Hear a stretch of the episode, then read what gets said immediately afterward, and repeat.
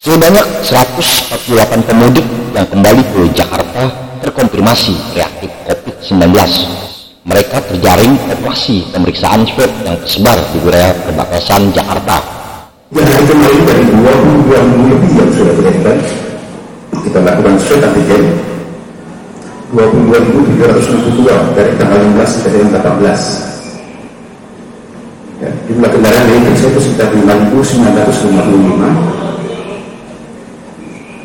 ada 148 ini yang reaktif atau positif COVID-19 yang negatif itu 22.262 Kabit Tumas Polda Metro Jaya dan Pol Yusuf menyebutkan ada 22.762 pemudik yang telah menjalani tes swab antigen saat hendak kembali ke Jakarta.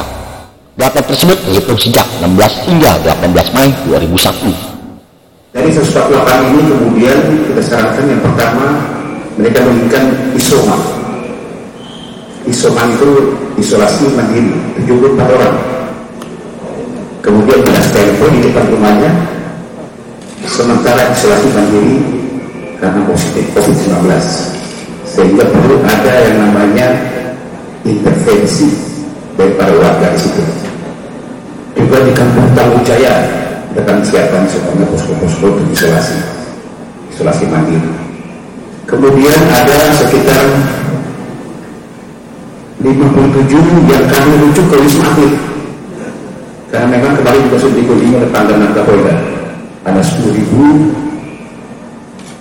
eh, tempat tidur yang disiapkan untuk para warga-warga untuk mengantisipasi terjadinya lonjakan.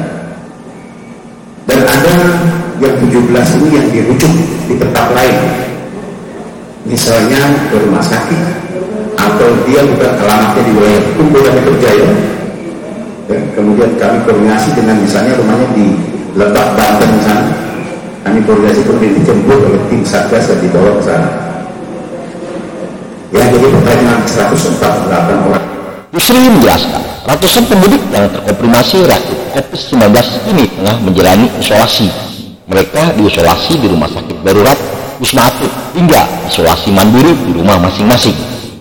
Dari Jakarta, Edi Surusu melaporkan.